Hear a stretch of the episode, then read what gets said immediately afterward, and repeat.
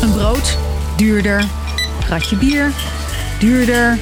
En een volle tank, heel veel duurder.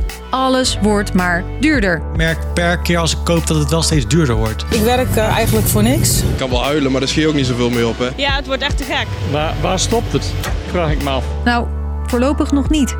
Uit nieuwe voorspellingen blijkt dat het leven voorlopig nog een stukje onbetaalbaarder wordt. Iedereen gaat dat merken in de portemonnee, maar uh, of het een dreun of een tik is, dat hangt echt af van je situatie. De reden onder meer de oorlog in Oekraïne. Hoe zit dat?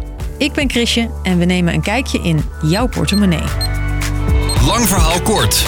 Een podcast van NOS op 3 en 3FM.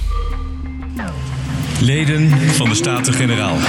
Prinsjesdag vorig jaar zei de koning nog dat. De koopkracht gemiddeld op peil blijft. Maar ja, de wereld ziet er inmiddels anders uit. En dus ook je portemonnee. Als het gaat om de inflatie en de koopkracht zijn wij tamelijk somber. Je hoort het Centraal Planbureau, dat voor de overheid de economie analyseert en probeert in te schatten wat die crisis voor ons betekenen. Even terug naar de basis. Inflatie en koopkracht, dat zijn twee verschillende dingen. Inflatie, daar hebben we al een paar maanden last van. Benzine, diesel en de energierekening en ook eten wordt nog duurder. Een bruin brood was een paar jaar terug bijvoorbeeld 90 cent, inmiddels een euro. Dat noem je inflatie en die inflatie schiet al langer omhoog. Inflatie komt boven de 5% uit. In het uh, gemiddelde scenario kan ook nog slechter uh, uitvallen. Ja, en dat betekent echt dat sommige mensen problemen kunnen krijgen met het betalen van hun rekening. Hoe het kan dat alles duurder wordt, dat leg ik je zo uit. Eerst naar het begrip koopkracht. Wat is dat dan?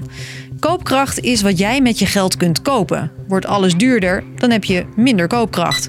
De koopkracht gaat naar schatting met 2,7% achteruit. Je kunt dus 2,7% minder besteden met hetzelfde geld. Klinkt weinig, maar het is in 40 jaar niet zo hoog geweest. Maar, zegt economiecollega Nick Wouters, economie laat zich moeilijk voorspellen. We weten één ding zeker, dat deze cijfers niet waarheid gaan worden. Want er gaat nog heel veel gebeuren dit jaar. We zitten pas in maart. Het is al moeilijk voorspellen hoe de wereld er over twee weken uitziet. Dus die situatie wordt met de dag slechter. En uh, ja, deze cijfers zijn uh, bij wijze van spreken nu alweer achterhaald. Oké, okay, dat zijn de cijfers en getallen. Maar hoe komt het nou dat jij meer betaalt? Die omhooggeschoten energiekosten werken door in de prijzen. Neem dat brood. Een vrachtwagen brengt het, die slurpt diesel. Er gaat een plastic folietje omheen, gemaakt van olie. Het brood is gebakken, kost gas. En door de oorlog komt daar nog een schep bovenop. De prijzen van graan, waar je meel van maakt, schieten ook stijl omhoog, vertelt deze meelproducent. 30% gestegen in prijs, dus dat zien we op de tarwennotering, die is echt geëxplodeerd. Dat is niet gek. Rusland wordt ook wel de graanschuur van de wereld genoemd. Oekraïne, die van Europa. En daar gebeurt niks nu door de oorlog, volgens graanhandelaren. In Oekraïne staat alles stil. Er uh, liggen boten in de haven, die mogen niet weg. En er zijn ook geen arbeiders. Die zijn of in het verzet, of aan het vechten, of thuis. En dus is ook de vraag of er dit jaar veel graan gezaaid kan worden door de oorlog. Ook uit Rusland komt minder graan, want handelaren boycotten het land omdat Rusland de oorlog is begonnen. Of omdat ze bang zijn dat als ze het nu bestellen, de boel misschien niet aankomt door strafmaatregelen. Bij Rusland zien we ook vraaguitval. Bang voor de sancties en misschien ook wat morele overwegingen. Absoluut morele overwegingen, ja. Gevolg: minder graan op de markt. Dus minder aanbod. Maar de vraag, die is nog net zo hoog. En dan stijgen de prijzen. En dit voorbeeld geldt niet alleen voor dat sneetje brood. Ook bij mais, zonnebloemolie en staal gebeurt dit. Dat komt ook uit Rusland en Oekraïne. We gaan de oorlog dus allemaal voelen in onze portemonnee. Maar het kabinet kijkt of ze de pijn wat kunnen verzachten, zegt premier Rutte. Ik zeg er alleen wel bij eh, dat het buitengewoon ingewikkeld zal worden om alles op te lossen. Het kabinet wil eerst kijken hoe ze mensen met de laagste inkomens kunnen helpen.